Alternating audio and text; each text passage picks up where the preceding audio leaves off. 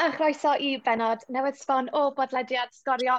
Mae diwedd y tymor yn dechrau agosau, sy'n bach yn net, ond mae'n dal, dal lot fawr i drafod. Mae'n dal eitha tipyn o gemau i ddod hefyd, gyda'r gemau algyfle i ddod dros y pethefnos nesaf.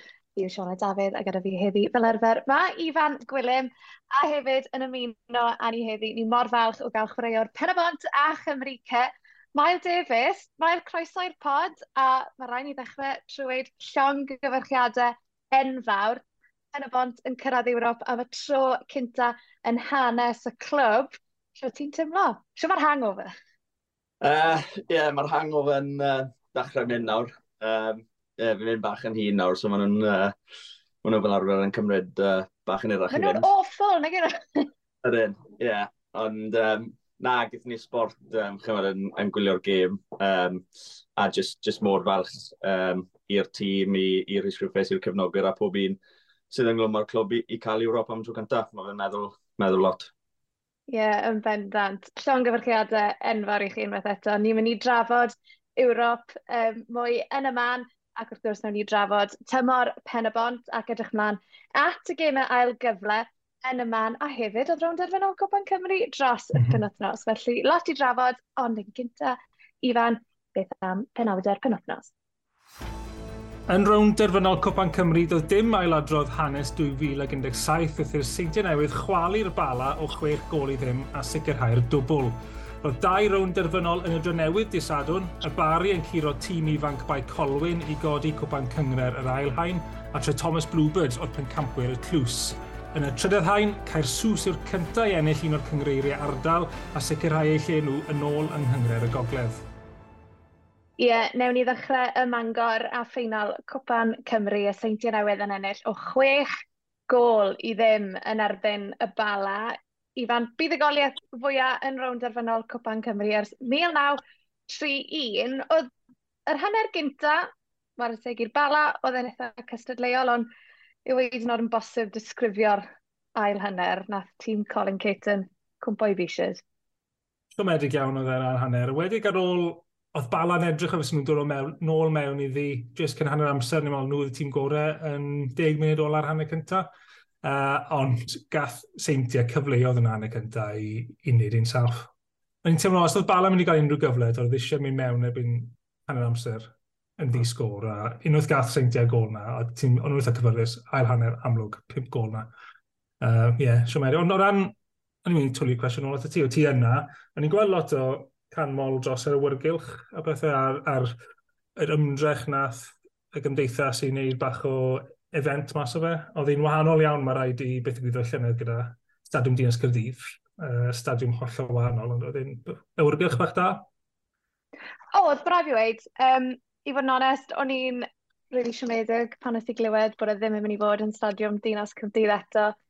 Mael yn amlwg o tîm rhan o dîm sgorio ar gyfer rownd derfynol uh, Perabont yn erbyn y seintiau newydd yn stadiwm Dinas Cyrdydd. A hwnna jyst yn teimlo fel gymaint o achlysur, wedi ti'n ware yng Nghartre'r tîm cenedlaethol. Um, o'n i wir yn credu bydden nhw um, di stico ar un lleoliad. Fi'n gallu deall y ddadl o ran oedd ti doi glwb o'r gogledd yn waren y rownd derfynol, felly o bosib bydde cael e reit lawr yn y de ddim di wneud lot o synwyr o ran deulu cefnogwyr. Ond, ie, yeah, o'n nhw yn nantborth, neis bod nôl yn nantborth yn neud gêm.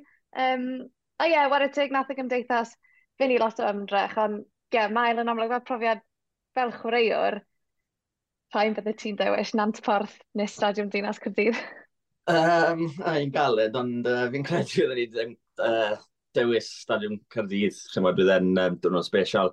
Wyn i'n gytid ddim i chwarae, ond um, jes i dynodi i fod yn, yn rhan o, o fe, bydd e'n um, briliant, chymod, uh, pen y bont yn cael llwyth o gyfnogwyr lawr na, bydd e'n ys yn awyrgylch um, special iawn. A nôl at y rownd arfynol DC yn mael, wrth gwrs, y seintiau newydd yn ennill oedd yn golygu pen y bont yn cwpla'n drydydd yng Nghyngrair, yng Nghyngrair Cymru Premier, sy'n golygu taw chi sydd wedi hawlio lle yn Ewrop, siwr oedd y nerfau cyn y gêm. Fi'n gwybod o'ch chi gyd yn y clwb o marchan y gêm ar y tyledu. Oedd na nerfau o gwbl? Oedd llwyth, ie. Yeah, with, um, sa'n gwybod pam, achos um, mae Saint Newydd yn ennill pob gêm, ond um, na. Uh, with, with lot o nerfau gyda well, pawb cyn y gêm. Um, ond dwi'n gwybod amser ath y gol cyntaf na mewn gyda Saint wedyn mynd i fod yn eitha saff, a wedyn uh, bob, bob gol ath mewn ar ôl ni, with, uh, sgrech yn mynd yn fwy a fwy. Ie, yeah, fi'n siŵr o'ch chi'n falch oedd e ddim wedi mynd i cicio'r smatyn, neu bydde hwnna, bydde hwnna bod yn awful. Mae'n odd pan ti'n meddwl am ti, ben y bont yn edrych ar gêm arall yn gobeithio am cyrraedd Ewrop, ond o'n i'n edrych nôl, 2014 oedd y trwetha i tîm oedd yn gorffen yn drydydd pidio cyrraedd Ewrop yn automatic. So, fi'n cael ei hwnna yw'r benchmark nawr. Os ti'n ti gwybod, os ti'n gorffen yn drydydd, ti'n llwy'r heiddi dy le yn Ewrop. A dyna beth sy'n sy dda am ti pen y bont. Maen nhw wedi tyfu a cyrraedd trydydd safle am y tro cyntaf tymor yma, a dyna sydd wedi cael nhw i Ewrop. Da dim goffod dibynnu ar beth oedd digwydd Cwpan Cymru. Fi'n gwybod oedd, oedd e'n formality bron o bod y mael yn gweud hwn, o sy'n ti'n newid e ennill popeth. Mae trydydd safle wastad wedi bod yn ddigon i gyrraedd Ewrop am blynyddoedd nawr, a fi'n credu, fi'n gweld hwnna'n parhau hefyd. So, ie, yeah, eitha da, er bod ni'n gweld eh, benfod yn edrych ar gêm arall, fi'n falch iawn dros dyn nhw wedi heiddi lle drwy chwarae ar y ca. Cyn i ni symud ymlaen i drafod tymor Perebon, jyst yn gloi iawn ar y seintiau, ennill Cwpan Cymru, a mae nawfed tro ni hanes wrth gwrs fy nhw yn warau yn Ewrop yng Nghyngrair y pencampwyr. Mewn ychydig o fisiodd, Ifan, ti'n credu, ni'n gofyn yr un cwestiwn bob haf, un nhw'n mynd i allu mynd cam ymhellach, tymor nesaf, achos o'n nhw'n anlwcus haf diwetha um, i bido i byd o mynd ymhellach yn y gystadleuaeth. Ti'n credu haf yma yw'r... Yeah, bod nhw'n mynd i wneud o'r diwedd? Fi ddim yn meddwl bod e'n bod ni'n bell off cael y Seinti Newydd yn cyrraedd uh, rownd grŵp yr uh, Europa Conference League, uh, cyngres, cyngres Europa, achos mae ma fe gyd yn allwedd, peth allweddol i bod nhw'n ennill y gêm gyntaf. Os byd nhw wedi curo Linfield, yn y grwnd cyntaf tro diwethaf, nath nhw ddim. So nhw wedi curo, un gêm arall, un tai arall bydd angen nhw ennill i gyrraedd yr grwps. Achos ti'n, ar hyn o bryd, os ti'n colli'r un cyntaf, ti'n dropo lawr o holl ffordd i'r Conference League. Os ti'n ennill yr un cyntaf, rhwng nesaf ti'n colli, ti'n dropo i'r Europa League, a wedyn i ti'n dropo lawr i'r Conference League. So mae gyda ti lot fwy o ail gyfleoedd os ti'n ennill y gêm gyntaf yna. Hwna'r un pwysig. Os ti'n cael dro ffafriol a ti'n cael Wel, mae Linfield yn... Ti'n gallu ennill yn Linfield. Mae nhw wedi ennill yn ebyn tîm a gogl werddon yn y goffennol. Fi ddim yn meddwl bod bell off bod Seinti newydd yn ennill y gêm gyntaf nhw. A wedyn ni, ti un gêm off cyrraedd y grŵp. So fi ddim yn meddwl bod e'n rhy bell off.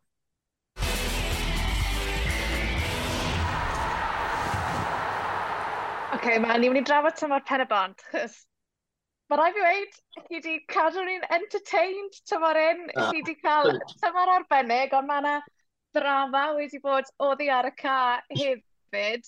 Just yn gyffredinol, siwr i chi'n asesu'r tymor i chi wedi cael? Um, Ie, yeah, chi'n bod, um, i wedi cael tymor briliant i gwir gwir, chi'n bod, Ewrop am y tro cyntaf. Um, a fi'n credu i gorffen yn trydydd um, gyda'r pwyntiau wedi dod off hefyd. Um, fi'n credu dden um, well, bach o statement i gweud, chymod, ni, ni yn heiddi fe. Um, chymod, chwech pwynt a dal cyrraedd yn drydydd, mae hwnna'n um, ma hwnna'n dda iawn a, a fi'n credu ni'n um, heiddiannol iawn o, o Ewrop. O ran y chwech pwynt yna, oedd e, nath e ddim effeithio lle o'ch chi'n gorffen y tabl o ran y pwyntiau a'r ddoff, o nath e effeithio y tîm pan oedd yr ansicrwydd yna rownd beth oedd yn mynd i ddigwydd, a nath e effeithio you know, dystafell newid o gwbl? Um, Gwyd nath e effeithio Rhys Griffiths yn fwy na um, yn fwy na'r tîm i gyda gwir. Chymod, mae fe'n um, emosiynol a mae, mae pen y bont yn meddwl gwmynt iddo fe, ond mae, mae fe'n meddwl gwmynt i ni fel chwaraewr hefyd, ond chymod, ni, ni fel grŵp o chwaraewr yn eitha, eitha tyn, a um, o'n i'n gwybod with just rhaid stick o gyda'n gilydd, um, a jyst mynd mewn i pob gêm uh, ddim yn colli, a chymod, um, wel, eithon ni, dim ond un gêm, eithon ni colli allan o'r deg, um, So fi'n credu hwnna'n dangos um, pwy mor galed wnaethon ni gweithio i, i cael y pwyntiau yna nôl.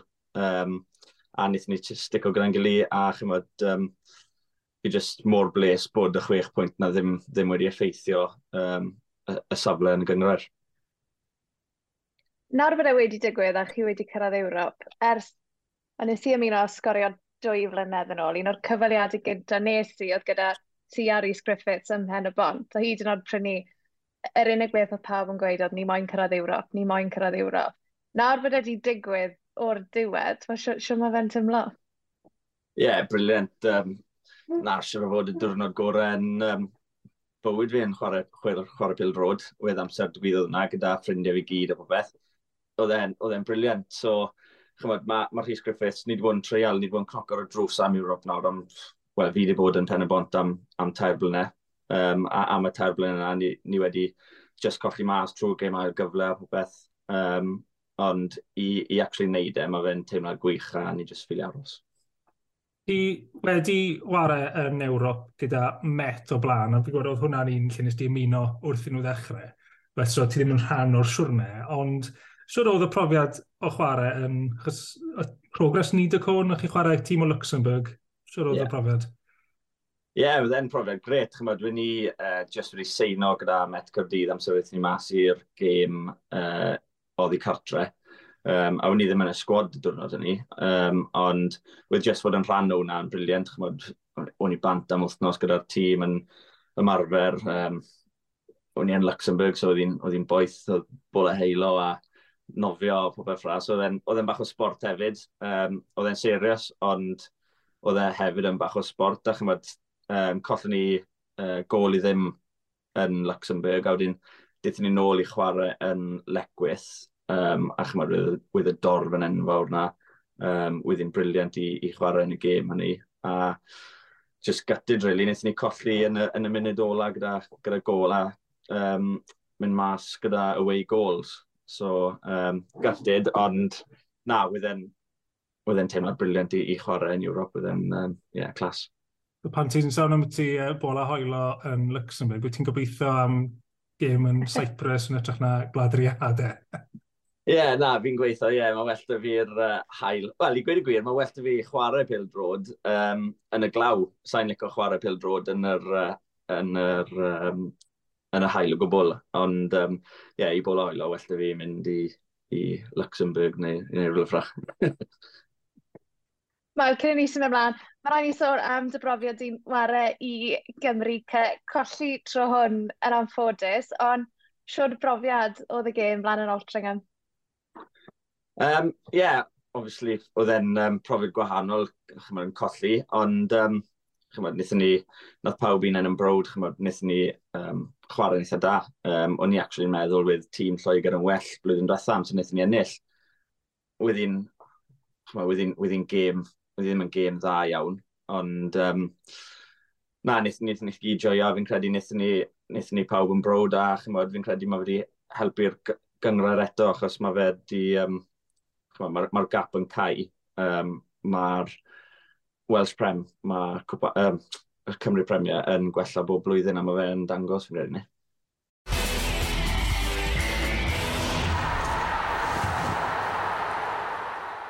wnaethon ni sôn ar ddechrau'r pod, er bod tymor arferol uwch gyngrau'r Cymru ar ben, mae'r gemau ail gyfle i gyrraedd Ewrop yn digwydd nawr dros y pethefnos nesaf. I ni'n dechrau nos Wener, y bala yn erbyn y dre newydd ac er gweitha, ennill cwpan y gyngrair a chyrraedd rownd derfynol cwpan Cymru, dwi'r bala heb ennill yn y gyngrair ers Ionawr y seithfed. Mae'r dre newydd wedi curo'r bala ddwywaith yn ail ran y tymor.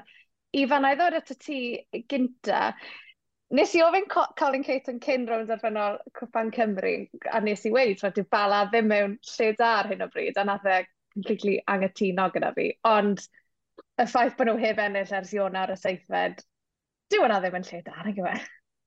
Ddim i glwb fel bala. Ti'n disgwyl gymaint gwell wrthyn nhw. Um, mae hwnna'n O'n i'n syni gweld yn mynd nôl mor bell. Ti'n... Sa'n gwybod siwt mae hwnna wedi digwydd. Dathon nhw mewn i'r chwech uchaf yna. O'n nhw'n... Sa'n gwybod nhw wedi symud. So sa'n gwybod siwt nhw wedi aros yn yr un lle yn y tabl. Bod dre newydd heb pas nhw. Mae'r ma tai na bala yn erbyn y dre newydd yn mor dyn nawr achos fydde ti'n disgwyl bala i ennill hwnna. Nhw'r ffefrynnau ar bapur. Mm. Ond mae'r ma momentum i gyd gyda dre newydd, achos does da just dim momentum gyda bala. Um, wedig ar ôl y Cwpan Cymru pan wythnos diwetha, sa'n gwybod siw maen nhw'n mynd i allu codi un en, er bod nhw getre, i, i rodre newydd. Fi, mae dre newydd yn ffefrynnau fi'n meddwl. Mae edrych ar y tabl, y ffôm, yr gemau diweddara. Mael, Bala, dre newydd, of gwrs, ti di yn erbyn nhw tymor yma, pwy ti'n ffantio? Ie, yeah, byddwn ni eisiau fod mynd gyda Ifan i gweud y gwir uh, dre newydd, ond um, fel wedodd Ifan, momentum yw e gyd a, a Dybala heb ennill ddar Ion o'r seithfed. Mae'n mae galed i ddod mas o, o rhediad fel yna. Um, chymod, um, so nhw'n so nhw niws i, i ennill um, yn redig yn y, yn y dim game diwethaf.